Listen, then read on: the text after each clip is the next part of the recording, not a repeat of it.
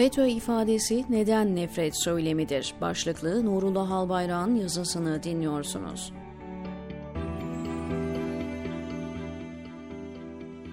Profesör Tarlek McGonagall, nefret söyleminin nefretten yola çıkarak başlayan ve suistimale, hakaret ve ön yargıya dayanan sıfat ve kelimelerle oluşturulan söylemler olduğunu ifade ediyor.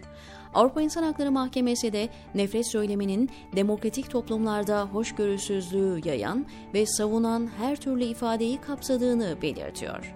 Bu tespitlere göre nefret söyleminin ön yargılardan beslenen, hoşgörüsüzlük temelli nefreti yayan ve savunan ifade biçimlerini kapsamına aldığını söylemek mümkün nefret söylemi kapsadığı kişi ya da grupları ötekileştirmektedir.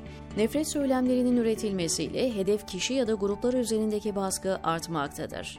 Nefret söylemine uğrayan kişiler sessizleşip pasifleşmekte, demokratik sisteme eşit bir şekilde katılma motivasyonlarını yitirmektedir.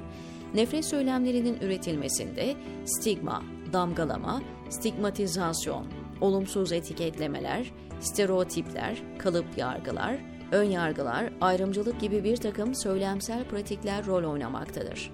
Tüm bunlar bireyleri kişisel özellikleri yerine grup aidiyetleri üzerinden algılayıp sınıflandırmamıza neden olmaktadır. Bir konuşmanın ya da ifadenin nefret söylemi teşkil edip etmediğine karar vermek için bazı kriterler dikkate alınmaktadır. Öncelikle nefret söyleminden bahsedilmesi için konuşma ve ifadenin belli bir grubu ya da bireyi hedef alması gerekir. İkinci olarak hedef alınan grubu ya da bireyi küçük düşürme, aşağılama, damgalama ve insanlıktan çıkarma amacı taşımalıdır. Üçüncü olarak konuşma ve ifade toplumdaki ortalama bir kişi tarafından saldırgan olarak değerlendirilmelidir. Dördüncü olaraksa konuşmanın yapıldığı bağlama bakılmalıdır. Yani kamuya açık bir forumda yapılan konuşma veya medyada yer alan konuşmayla özel bir sohbette yapılan konuşmanın niteliği farklı olacaktır. Bu kriterlere göre değerlendirme yapıldığında FETÖ ifadesi, Gülen cemaati mensuplarını ve onlarla irtibatlı olan kişileri hedef almak için kullanılmaktadır. Gülen cemaati mensuplarını ve onlarla irtibatlı olan kişilerin doğal kimliklerini nefret unsuru olarak simgeleştirme amacıyla kullanılmaktadır.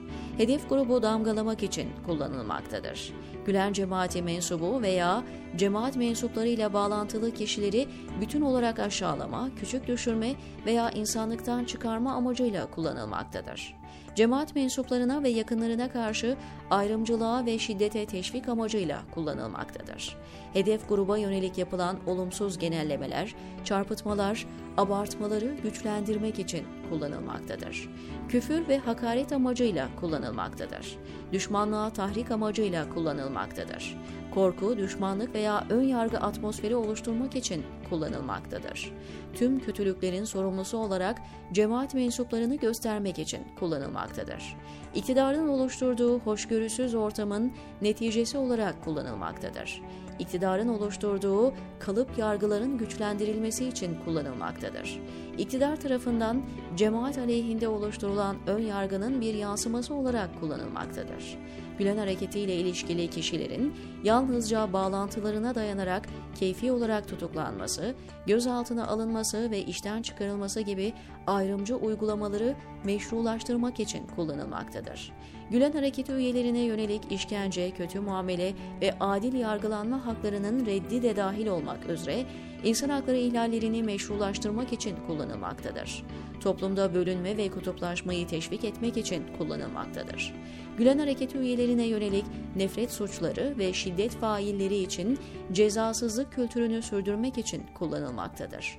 Gülen hareketiyle ilişkili kişilerin genellikle resmi suçlamalar, yasal temsile erişim veya adil yargılanma hakkı olmaksızın keyfi ve uzun süreli gözaltıları haklı göstermek için kullanılmaktadır.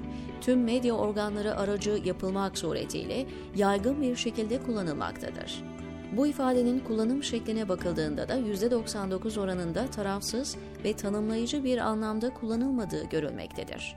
Tüm bu kriterler bağlamında bu ifade sadece metinsel değil, bağlamsal açıdan değerlendirildiğinde Yahudilere karşı antisemitik bir nefret ifadesi olarak kullanılan kike, Latinlere karşı nefret söylemi olarak kullanılan wetback ve siyahlara karşı ırkçı bir söylem olarak kullanılan niger ifadeleri gibi açık bir nefret söylemidir.